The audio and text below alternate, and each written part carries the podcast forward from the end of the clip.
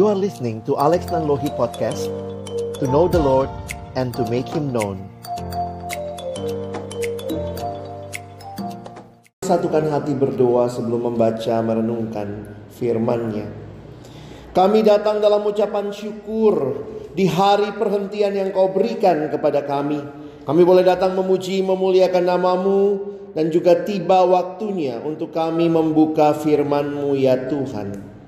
Kami mohon ketika kami membuka firman-Mu, bukalah juga hati kami. Jadikanlah hati kami seperti tanah yang baik, supaya ketika benih firman-Mu ditaburkan, boleh sungguh-sungguh berakar, bertumbuh, dan juga berbuah nyata di dalam hidup kami. Berkati baik hambamu yang menyampaikan, semua kami yang mendengar, Tuhan tolonglah agar kami bukan hanya menjadi pendengar-pendengar firman yang setia, tapi mampukan dengan kuasa, dengan pertolongan dari rohmu yang kudus, kami dimampukan menjadi pelaku-pelaku firman-Mu di dalam kehidupan kami, di dalam keseharian kami.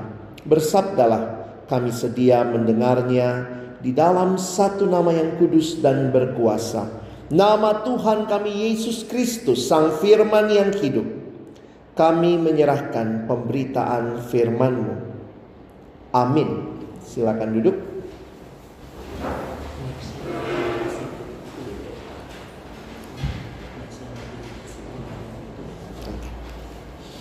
Shalom.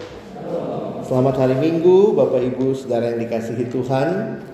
Tama-tama bersyukur kepada Tuhan buat kesempatan yang indah. Terus kita boleh datang dan beribadah kepada Tuhan. Kiranya ibadah kita bukanlah sebuah rutinitas, tetapi sebuah penyembahan yang selalu baru kepada Allah yang juga terus memberkati kita. Tema yang hari ini diberikan kepada kita cukup panjang, menjadi murid yang rindu untuk bertumbuh bersama. Jadi Bapak Ibu Saudara, kita akan sama-sama membaca bagian firman Tuhan yang diambil hari ini di dalam Efesus pasal yang keempat. Efesus 4 ayat 1 sampai 7, lalu nanti kita langsung lompat ke ayat 11 dan ayat 16, ya. Ini eh, untuk Bapak Ibu Saudara yang bawa kitab suci boleh dibuka, kalau tidak saya sudah tuliskan ayatnya ya. Jadi nanti juga bisa ikut membaca. Nah, untuk yang pertama kita akan uh, bisa tolong uh, Mungkin di ini sedikit biasanya begitu. Ah, oke. Okay. Ups. Sebentar ya. Baik. Kita mulai dari ayat 1. Bapak Ibu Saudara kita baca dulu ayat 1 sampai dengan ayat 7 ya. Saya akan baca ayat 1. Mohon Bapak Ibu Saudara membaca ayat yang kedua. Kita bergantian sampai ayat yang ketujuh terlebih dahulu. Sebab itu aku menasehatkan kamu, aku orang yang dipenjarakan karena Tuhan supaya hidupmu sebagai orang-orang yang telah dipanggil berpadanan dengan panggilan itu.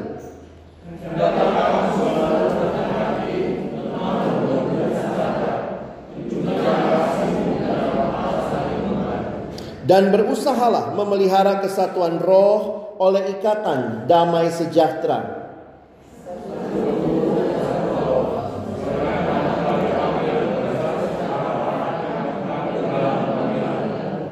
Satu Tuhan, satu iman, satu baptisan.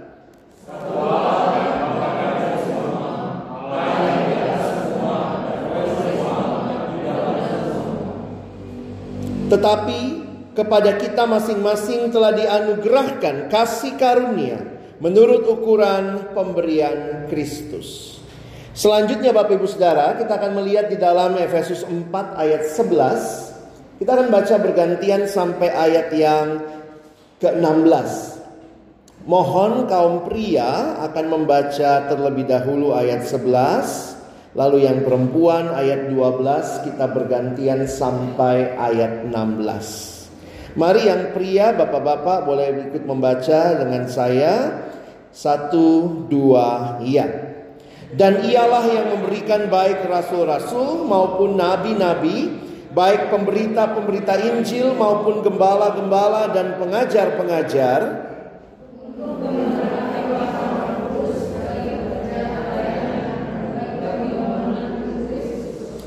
sampai kita semua telah mencapai kesatuan iman dan pengetahuan yang benar tentang anak Allah, kedewasaan penuh dan tingkat pertumbuhan yang sesuai dengan kepenuhan Kristus.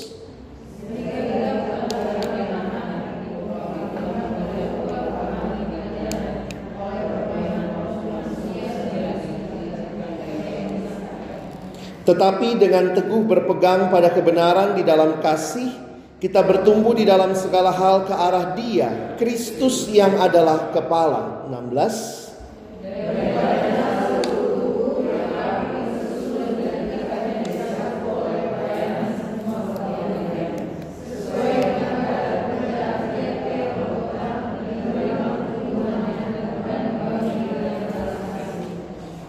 Sedemikian jauh pembacaan firman Tuhan berbahagia kita yang bukan hanya membacanya tapi juga merenungkannya, melakukannya dan bahkan membagikannya. Bapak Ibu Saudara yang dikasihi Tuhan, ini bagian yang cukup panjang yang ada di dalam kitab Efesus pasal yang keempat. Secara sederhana kalau kita melihat bagaimana Rasul Paulus menuliskan surat-suratnya, maka ada dua bagian besar yang biasanya muncul ya. Ini bisa kita perhatikan ya. Ada bagian yang lebih doktrinal, itu biasanya di bagian awal surat Paulus, lalu kemudian dilanjutkan dengan bagian yang lebih aplikatif.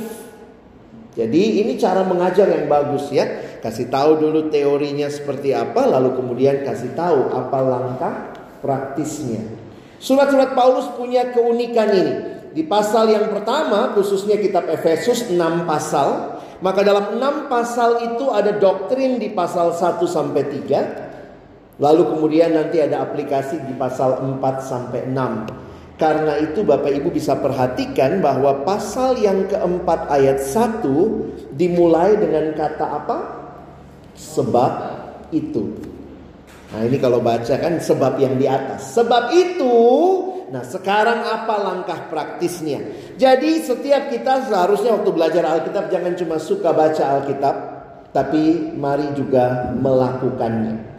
Dan orang yang melakukannya akan justru makin menghidupi apa yang dia baca, ya. Jadi, Bapak Ibu sekalian, ini jadi satu hal yang menarik di dalam kita belajar akan kebenaran ini. Nah, kenapa kita perlu melihat bagian ini? Karena tema kita itu dekat sekali dengan apa yang Paulus paparkan cukup panjang. Saya kasih contoh dulu Bapak Ibu sekalian ya, bahwa banyak kita tahu teori, tapi karena tidak dipraktekkan, tidak dilakukan, maka teori tinggal teori. Bahkan banyak orang yang mungkin dia punya dia dapat kesempatan tapi dia nggak pakai itu atau pakainya nggak benar. Ada orang sakit kepala. Begitu sakit kepala kemudian wah dia pergi beli obat sakit kepala. Maaf saya sebut merek beli Panadol misalnya ya. Wah, terus kemudian dia pulang, lalu kemudian besok paginya dia ketemu temannya. Gimana sakit kepalamu? Masih sakit kepala saya. Hah? Sudah beli Panadol? Sudah. Terus kenapa masih sakit? Terus temannya tanya, kau bikin apa panadol itu? Saya taruh di bawah bantal. Panadol punya, tapi salah pakai. Bapak ibu saudara, banyak orang Kristen punya semua, tapi tidak digunakan atau bahkan salah menggunakan. Karena itulah Paulus mengingatkan. Kita lihat satu-satu bagian ini ya. Nah, pasal 4 ayat 1. Sebab itu aku menasihatkan kamu, aku orang yang dipenjarakan karena Tuhan supaya hidupmu, perhatikan istilah ini ya, hidupmu sebagai orang-orang yang telah dipanggil berpadanan dengan panggilan itu. Paulus berharap mereka betul-betul menghidupi kehidupan yang sudah Tuhan berikan kepada mereka. Jangan sampai salah pakai. Coba perhatikan selanjutnya ya. Nah, ini terjemahan bahasa Indonesia sehari-hari BIS. Sebelahnya terjemahan FAYH itu terjemahan Alkitab firman Allah yang hidup. Apa arti tadi ya? Hidupmu berpadanan dengan panggilan. Lihat yang warna merah itu ya. Hiduplah, nah itu bahasa lainnya ya. Hiduplah sesuai dengan kedudukanmu sebagai orang yang sudah dipanggil oleh Allah. Jadi harusnya hidup Kristen kita itu selaras dengan apa yang Tuhan sudah tetapkan bagi kita. Jangan kita orang Kristen tapi hidup seperti uh, anak Tuhan tapi hidup seperti anak hantu. Nah, tipis bedanya ya. Nah, lihat terjemahan firman Allah yang hidup. Hidup dan ber, berkelakuan sebagaimana patutnya bagi orang yang telah dipilih untuk mendapat berkat-berkat yang indah seperti ini. Wah, ini indah sekali. Kalau Bapak Ibu Saudara, ini kan generasi GPS ya. Next. Ah, ini posisi sangat penting. Pastikan posisi kita ya, di dalam dosa atau di dalam Kristus. Pastikan posisi kita. Bahwa kalau saya anak Tuhan, maka saya tidak akan terus-menerus hidup di dalam dosa. Kalau saya anak Tuhan berarti saya punya apa? Ini satu kutipan yang saya senang dalam bahasa Inggris Bapak Ibu ya. Kutipan ini mengatakan begini. Christianity isn't just a religion but it's a relationship with God through Jesus Christ. Kekristenan bukan sekadar agama, tentu ada unsur agamanya, ada kebaktiannya, ada ritualnya, ada acaranya, ada prosedurnya kalau kita kebaktian. Tetapi kekristenan itu lebih dari sekedar itu. Kekristenan adalah relasi dengan Tuhan. Karena itulah kita bisa bicara pertumbuhan. Karena waktu bicara pertumbuhan, next. Kalau Bapak Ibu Saudara bicara pertumbuhan, itu sesuatu yang relasional. Nah, itu poin saya. Misalnya begini ya, ada suami istri menikah, lalu kemudian dalam pernikahan itu kan sebenarnya terjadi pertumbuhan. Pertumbuhan itu apa? Relasional. Saya makin kenal pasangan saya, pasangan saya makin kenal saya. Kekristenan itu bukan kita sedang berhadapan dengan Allah yang maaf. Mungkin kita bayangkan kayak patung, ya sudah hari Minggu kita datang, hari lain bodoh amat. Kesaksian Ibu Lili tadi menunjukkan bahwa Tuhan hadir dalam sepanjang kehidupan. Di pesawat, di mana lagi? Di YouTube, di mana lagi? Depan polisi. Poinnya adalah itu sesuatu yang relasional. Karena Allah kita Allah yang berelasi dengan kita. Allah yang menyatakan firman-Nya kepada kita, maka kita harus tahu bahwa Allah rindu saudara dan saya bertumbuh. Itu sudah rencananya Tuhan yang dia rancangkan bagi kita menjadi murid yang bertumbuh. Kekristenan adalah makin hari makin kenal siapa Tuhan, Makin kenal siapa Yesus Tuhan dan Juru Selamat. Dan pengenalan itu membawa kita makin hari makin mirip Yesus. Harusnya begitu. Nah itulah yang disebut dengan pertumbuhan. Jadi kekristenan tidak hanya membuat kita menjadi orang yang punya status. Tapi juga punya relasi. Dan relasi itu terus dinikmati. Kalau saya menuliskan bahkan ini anugerah ya. Anugerah Allah memampukan untuk kita terus hidup semakin serupa Yesus. Jadi kalau ada yang nanya, apa poin bertumbuh? Bagaimana saya tahu Pak Pendeta saya bertumbuh? Lihat hidupnya makin mirip siapa? Saya selalu ingat pengalaman waktu besuk teman melahirkan. Suami istri teman saya ya. Waktu saya datang besuk anak pertama. Ya walaupun suami istri teman saya tetap yang melahirkan istrinya ya. Dia waktu datang kunjungi, wah terus kemudian itulah ya ibu anak pertama pas kami datang bayi baru selesai menyusu. Jadi sambil gendong bayi terus dia bilang begini, Alex lihat anak saya. Wah kita lihat anaknya masih kecil, matanya ketutup begitu ya. Terus dia bilang, hidungnya kan hidungku ya Alex, jidatnya jidat papanya. Tiba-tiba papanya teman saya di sampingnya bilang, "Mama, hidungnya yang hidung papa, jidatnya yang jidat mama." Lalu mereka berantem di situ, hidung jidat, hidung jidat begitu ya. Kalau kita waktu lihat lah ya, namanya produk bersama ya Bapak Ibu ya. Pasti ada mirip sana, ada mirip sini. Tapi waktu saya perhatikan, sebenarnya orang tua itu paling bangga anaknya mirip mirip dia. Kalau Bapak Ibu kenal Yesus, bertumbuh di dalam Yesus, maka harusnya hidup kita makin serupa Yesus. Kadang-kadang kita menyanyi, aku anak raja, engkau anak raja, kita semua anak siapa? Kalau Yesus lihat hidup kita, apakah Yesus akan bilang, ini anakku, ini anakku, mirip kan? Atau tuh Yesus lihat hidup kita, ini anak siapa? Kok nggak mirip? Di sinilah kita melihat bagaimana orang yang sudah di dalam Kristus ada satu ayat yang penting ya. Coba lihat, kita baca 1 Yohanes 2 ayat 6. Satu dua ayat. Barang siapa mengatakan bahwa ia ada di dalam dia, ia wajib hidup sama seperti Kristus telah hidup. Jadi Bapak Ibu Saudara perhatikan ini tidak dikatakan ia wajib hidup sama seperti pendetanya, sama seperti orang tuanya. Pendeta bisa salah, bisa gagal, orang tua bisa salah, bisa gagal, tapi Kristus standarnya. Siapa yang mengatakan ia ada dalam Kristus, ia harus hidup sama seperti Kristus. Dan hidup yang serupa dengan Kristus terjadi makin hari setiap hari makin serupa dengan Kristus. Jadi Bapak Ibu perhatikan ya. Tuhan sendiri merancangkan kita untuk mengalami hidup yang bertumbuh. Nah, itu poin pertama saya dalam khotbah hari ini. Tuhan mau Bapak Ibu dan saya bertumbuh. Itu kerinduan Allah.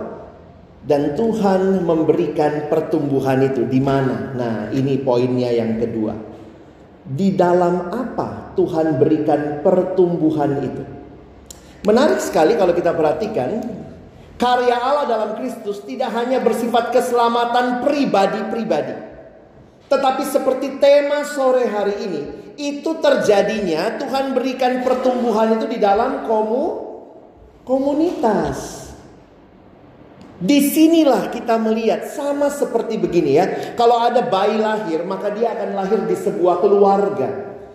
Maka satu hal yang sama ketika saudara dan saya dilahir barukan oleh karya Roh Kudus, maka Allah membawa kita ke dalam keluarga yang baru ya. Tolong next. Ah ini God's family.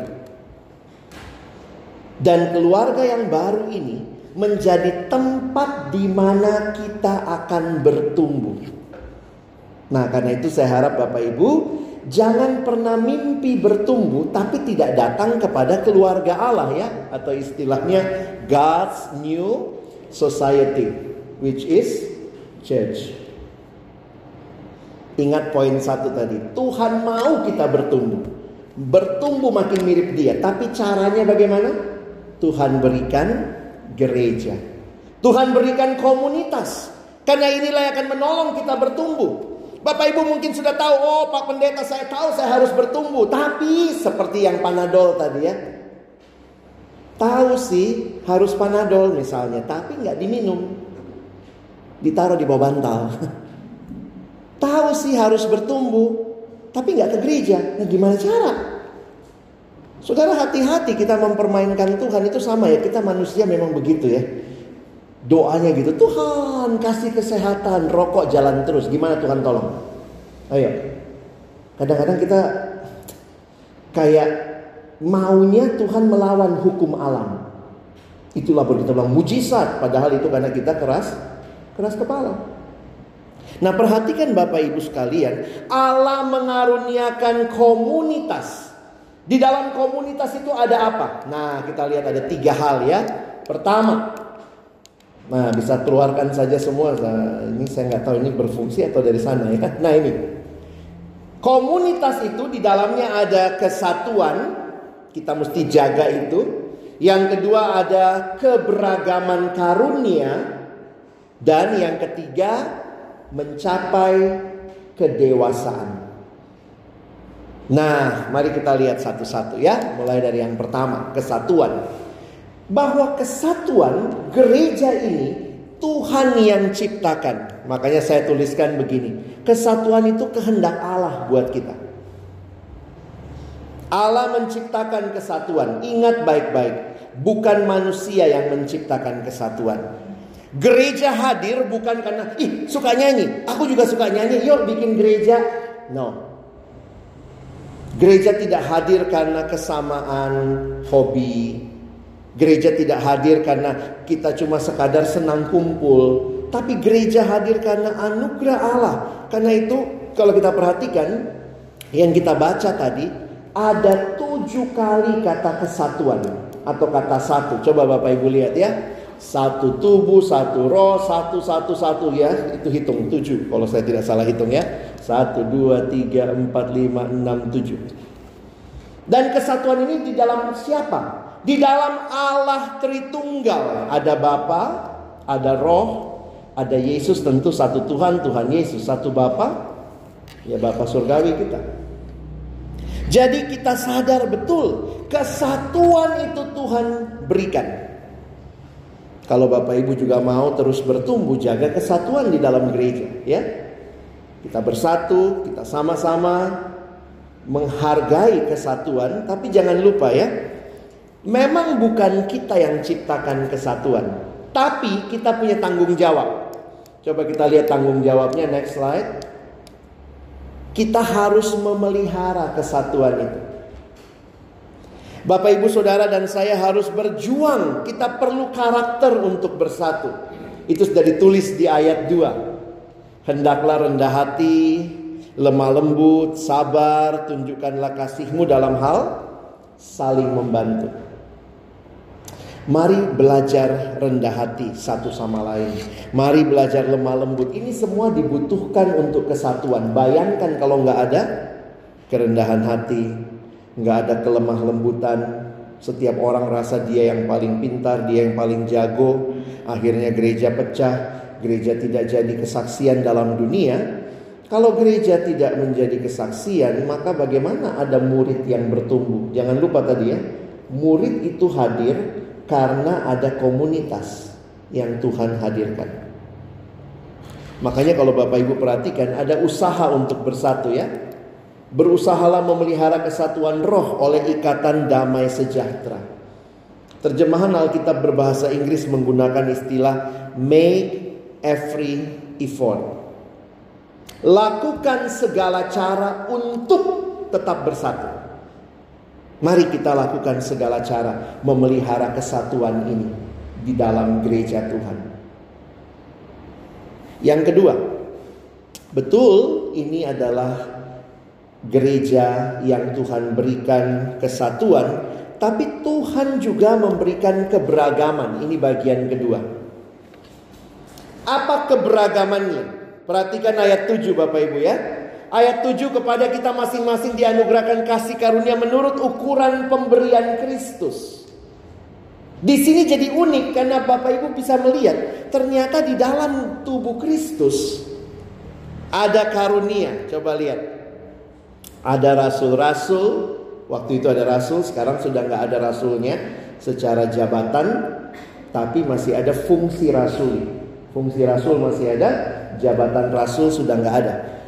Nabi-nabi, pemberita Injil, gembala-gembala dan pengajar-pengajar. Jadi dulu saya pernah layani satu anak dia malas ke gereja. Terus saya bilang begini, kalau kau malas ke gereja, lalu bagaimana kamu bertumbuh? Iya dia bilang, kan ada YouTube, kan ada ada online. Tetapi gereja lebih daripada sekadar itu. Karena pertumbuhan itu Tuhan berikan ketika kita bertemu satu sama lain dan di dalamnya terjadi interaksi di mana semua orang dan semua karunia bisa dialami. Tentu masa pandemi ini membuat kita banyak melalui YouTube ya. Tapi kan kita kangen ya bisa kumpul lagi karena apa? Di situlah terjadi ah, hal-hal yang indah yang Tuhan berikan. Ada satu lagu dulu yang saya ingat kita suka nyanyi kalau bahas Mazmur 133. Bapak Ibu pernah dengar Mazmur 133 kalau kita nyanyi. Sungguh alangkah baiknya, sungguh alangkah indahnya bila saudara semua hidup rukun bersama. Terus ada kalimat di akhir begini. Sebab ke sanalah Allah memerintah agar berkat-berkatnya tercurah. Sekarang pertanyaan saya, Ke mana ke sananya? Sebab ke sanalah Allah memerintah. Allah memerintahkan berkat itu di dalam kesatuan. Ke sanalah ke dalam kesatuan tubuh Kristus Allah mengaruniakan berkatnya. Bapak Ibu, kita memang bisa undang pendeta ke rumah ya, bisa bawa semua ini ke rumah. Tetapi di mana semua fungsi ini ada di dalam gereja. Jadi mau bertumbuh Mari kita ke gereja, mari kita ke komunitas anak Tuhan. Karena di situlah Tuhan sediakan semua yang kita butuhkan untuk kita bertumbuh. Bapak Ibu mungkin bisa bilang, oh saya, saya nyetok satu rasul di rumah. Nggak gitu ya. Tapi kemudian kita mesti melihat, inilah yang Tuhan sediakan. Jadi kalau Bapak Ibu nanti membaca, nah ini kalau saya menyimpulkan begini. Allah mengaruniakan talenta yang berbeda-beda untuk membangun jemaat. Bayangkan kalau hari ini semua pengkhotbah, semua kita pengkhotbah, siapa yang khotbah? Siapa yang duduk jadi jemaat? Atau bayangkan kalau semua kita singer. Lalu siapa yang akan jadi jemaat? Tuhan kasih karunia yang berbeda-beda. Tapi juga Tuhan kasih tadi rasul, nabi, gembala. Tuhan kasih orang-orang dengan peran yang berbeda di dalam kesatuan. Jadi ingat, kesatuan ada keberagaman karunia, ada keberagaman peran supaya nah ini yang terakhir. Supaya dewasa. Ini yang jadi tema sore hari ini. Saya mikir-mikir gini ya. Tuhan itu memberikan kedewasaan caranya lewat kesatuan dalam keberagaman. Tuhan tidak memberikan kedewasaan hanya dengan single fighter. Tidak. Dan itu sudah terbukti sepanjang sejarah bahwa Tuhan kita adalah Tuhan yang mengaruniakan komunitas di mana Bapak Ibu Saudara hadir. Perhatikan ayat 11. Dikatakan ialah yang memberikan semua tadi. Lihat ayat 12. Apa tujuannya? Untuk memperlengkapi orang-orang kudus. Siapa orang kudus? Semua kita yang sudah terima Yesus. Untuk memperlengkapi orang kudus bagi pekerjaan pelayanan bagi pembangunan tubuh Kristus. Apalagi tujuannya? Lihat ayat 13. Ayat 13 mengatakan supaya sampai kita semua telah mencapai kesatuan iman dan pengetahuan yang benar tentang anak Allah, kedewasaan penuh. Mari jadi murid Kristus yang makin dewasa. Yang hidupnya makin mirip Kristus. Tapi itu diproduksi di mana? Di dalam komunitas. Yang bersatu, di dalamnya ada banyak karunia, di situ kita sedang dibentuk. Supaya apa? Perhatikan. Di dalam ayat 14. Sehingga kita bukan lagi anak-anak yang diombang-ambingkan oleh rupa-rupa angin pengajaran, oleh permainan palsu manusia dalam kelicikan mereka yang menyesatkan, tetapi dengan teguh berpegang pada kebenaran dalam kasih kita bertumbuh dalam segala hal ke arah Dia Kristus yang adalah kepala. Mari kita hayati hal ini. Sekarang banyak pengajaran aneh-aneh, ya. Karena mungkin juga sekarang aksesnya gampang sekali ya. Lihat YouTube, lihat mana, pokoknya kita jadi bingung juga. Bagaimana nih pengajaran ini? Nah sering kali saya lihat begini ya, maaf Bapak Ibu, ini pengamatan saya, bisa setuju bisa tidak. Orang-orang yang jauh dari gereja, jauh dari komunitas itu gampang sekali terkena ajaran-ajaran aneh. Kenapa? Karena nggak ada orang lain yang saling berdiskusi, saling bertanya sehingga adalah yang bingung sama mujizat ini, ada yang cari ini, cari itu. Jadi saya sampai kadang bingung, ini orang Kristen tapi kenapa hidupnya justru tidak dalam ajaran Kristen yang benar? Saya dengar satu ibu waktu itu harus pergi, dia dia kena kanker payudara. Lalu keluarga cari-cari pengobatan alternatif. Lalu dapatlah pengobatan alternatif di Jawa Tengah. Lalu yang menarik adalah itu pengobatan itu uh, bilangnya Kristen. Karena dilakukan oleh orang yang Kristen tapi ternyata waktu dia datang ke sana dia langsung sadar ini nggak nggak tepat. Karena ternyata mesti baca mantra lah mesti uh, pakai uh, sesajen dan sebagainya. Walaupun doanya Kristen jadi kemudian waktu itu ibu itu bersaksi dalam satu kebaktian dan dia bilang waktu itu saya langsung minta sama saudara saya pulang kita. Saya nggak mau di sini. Pulang. Ini tidak sesuai dengan iman Kristen. Nah dia berani begitu ya Ternyata waktu saya tanya dia bilang Saya tahu itu karena di gereja Mereka juga pernah ada seminar tentang hal itu Jadi belajar, mengerti Jadi dia bilang begini Nah itu satu kalimat yang saya nggak lupa Lebih baik saya tetap sakit Tapi Tuhan dimuliakan Daripada saya sembuh Tetapi ternyata saya menyangkal Tuhan Karena caranya nggak tepat Tapi keluarganya marah bodoh-bodohin dia. Kamu bodoh, goblok. Udah dibawa jauh-jauh sampai sini mau pulang. Udahlah ikutin aja mana tahu sembuh. Dia bilang tidak, saya pulang. Nah, Tuhan kasih mujizat buat ibu ini dia sembuh tanpa harus ikut itu. Dan salah satu yang menopang dia adalah komunitas ya. Jadi ada juga yang pernah bawa seminar ingatkan hati-hati. Tidak semua yang Kristen pasti benar walaupun judulnya Kristen. Tidak semua yang namanya gereja pasti benar. Loh kok bisa begitu pak? Karena ada juga gereja setan. Loh, masa betul itu? Cuman dia pakai kata gereja. Ada yang tanya sama saya, menurut bapak bagaimana gereja setan? Saya bingung juga jawabnya ya. Terus saya bilang, bagus itu. Ih kaget dia. Maksudnya apa pak? Setan aja ke gereja, apalagi kau. Rajin kau ke gereja. Jadi setan aja ngumpul ya. Terus kita yang anak Tuhan malah nggak mau ngumpul padahal ke sanalah Tuhan memerintahkan berkat. Ya. Jadi Bapak Ibu eh, saya harap kita bisa ngerti ya bahwa ini ini kerinduan Tuhan loh buat kita ya. Daripadanya lah seluruh tubuh yang rapi tersusun dan diikat menjadi satu pelayanan oleh semua bagiannya sesuai dengan kadar pekerjaan tiap-tiap anggota menerima pertumbuhannya dan membangun dirinya di dalam kasih. Bapak Ibu mau bertumbuh, ini kehendak Tuhan maka ingatlah Tuhan sudah kasih komunitas ya. Komunitas yang di dalamnya ada kesatuan, ada keberagaman karunia dan terjadilah kedewasaan di sana. Nikmati itu, alami itu. Saya makin belajar tentang kekristenan, saya lihatnya begini ya, ini saya coba gambarkan secara uh, me, me, sistematis ya.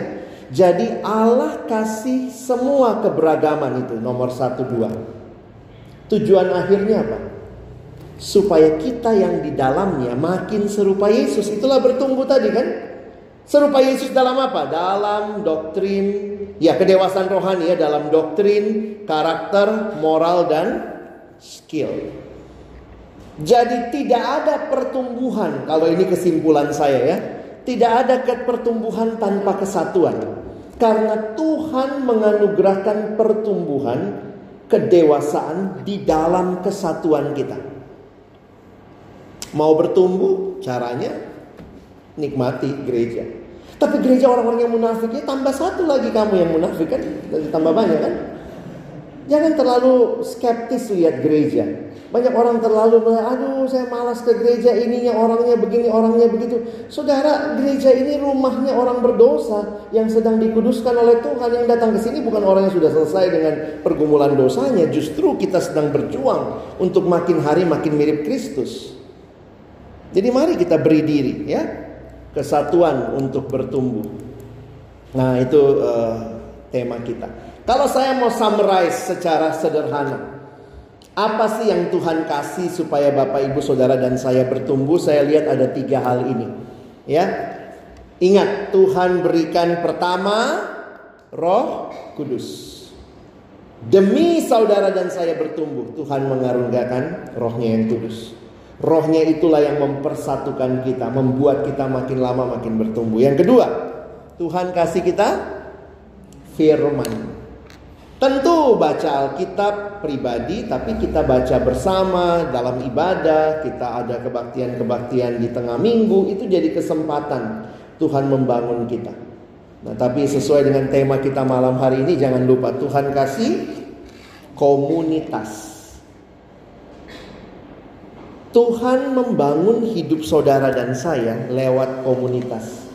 Saya ingat ayat ini ya, Besi menajamkan besi, orang menajamkan sesamanya.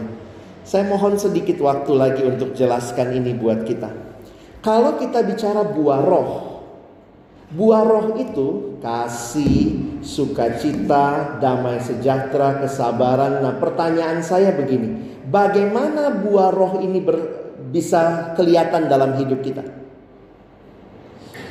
Kan kalau kita makin mengasihi, makin serupa Yesus, makin sabar, makin serupa Yesus. Tapi di mana tempat latihannya? Itu lama saya mikir gitu ya. Buah roh karena begini. Ada agama tertentu, kepercayaan tertentu bilangnya begini. Kamu mau bertumbuh? Maka cara bertumbuh bagaimana Bapak Ibu? Pergilah ke gunung bertapa. Wah, tambah naik kesempurnaannya. Kristen nggak gitu. Mau bertumbuh? Masuk ke gereja. Di situlah kasih kita dibangun. Di situlah kesabaran kita dibangun. Benar juga ya. Bagaimana caranya supaya kita mengasihi? Tuhan bisa jadi tempatkan orang-orang yang sulit dikasihi ya. di gereja kan banyak kucok-kucok ya si kurang cocok si kurang cocok. Nah di situlah waktu besi menajamkan besi orang menajamkan sesamanya. Jadi bapak ibu tidak akan bisa mengasihi kalau tidak ada sparring partnernya, benar nggak? Coba bisa nggak sabar di gunung, di gunung bertapa sendiri sabar, yang lewat monyet gitu. Yang bikin kita sabar itu ketika kita ketemu orang di rapat yang bikin kita nggak sabar. Di situ kita berdoa, Tuhan tolong saya lebih sabar. Jadi saya makin sadar cara Tuhan mendewasakan karakter kita itu bukan disuruh pergi jauh, tapi masuklah ke jemaat, masuklah ke gereja. Besi menajamkan besi, orang menajamkan sesamanya. Waduh saya nggak mau ketemu dia, susah sekali saya mengampuni. Nah di situlah Tuhan bilang belajar mengampuni. Mulai dari mana? Mulai dari orang-orang yang dekat dengan kita. Bapak Ibu siap bertumbuh? Kalau siap bertumbuh rajin ke gereja ya. Tapi banyak orang munafik ya tambah satu. Munafik menajamkan munafik terjadi pengampunan. Puji Tuhan ada pertumbuhan ya asik. Akhirnya kita bilang munafik tetap bisa berubah. Kenapa? Karena bukan munafik kata akhirnya. Dia harus makin serupa Yesus. Ya. Nah ini katanya kalau Bapak Ibu yang dulu eh, dulu ya udah senior udah tua dulu ada film Lone Ranger. Orang Kristen nggak boleh jadi Lone Ranger. Lone Ranger ini kan ke mana-mana berdua sih sama kuda ya. Tapi dia ngalahkan penjahat. Nah ini kalimatnya. Salah satu dari sepuluh hal bodoh yang dilakukan oleh Kristen yang menghambat pertumbuhan rohani mereka adalah menjadi anak Tuhan gaya Lone Ranger. Rasanya nggak butuh gereja. Dulu sebelum online banyak juga orang yang malas ke gereja cuma nonton di YouTube. Lalu alasannya begini, saya malas ketemu orang munafik di gereja. Saya aja nonton di YouTube. Sama kok. Ada firmannya, ada doanya, ada lagunya katanya. Ya. Terus saya bilang persambahannya ke mana? PLN. Banyak orang menghindari gereja karena mau merasa saya lebih bertumbuh di luar gereja. Tidak. Hari ini kita belajar. Justru Tuhan memberikan pertumbuhan di dalam kesatuan. Pelihara itu. Ayat terakhir yang akan kita baca Ibrani 10 24 25. Saya langsung aja ke ayat 24 dan 25 ya. Mari kita baca sama-sama. Satu, dua, ya. Dan marilah kita saling memperhatikan supaya kita saling mendorong dalam kasih dan dalam pekerjaan baik. Janganlah kita menjauhkan diri dari pertemuan-pertemuan ibadah kita seperti yang dibiasakan oleh beberapa orang, tetapi marilah kita saling menasehati dan semakin giat melakukannya menjelang hari Tuhan yang kepada jemaat diingatkan. Ternyata dari dulu ada yang malas ke gereja ya. Coba baca ayatnya nih. Dan janganlah kita menjauhkan diri dari pertemuan ibadah kita seperti dibiasakan beberapa orang. Jangan. Tapi marilah kita tahu Yesus makin dekat kedatangannya, kita pun makin saling menasehati, semakin giat melakukannya menjelang hari Tuhan yang mendekat selamat mempraktekkan hal ini karena ini bukan hal baru ya. Bagaimana kita bertumbuh? Ayo kita datang ke komunitas orang percaya.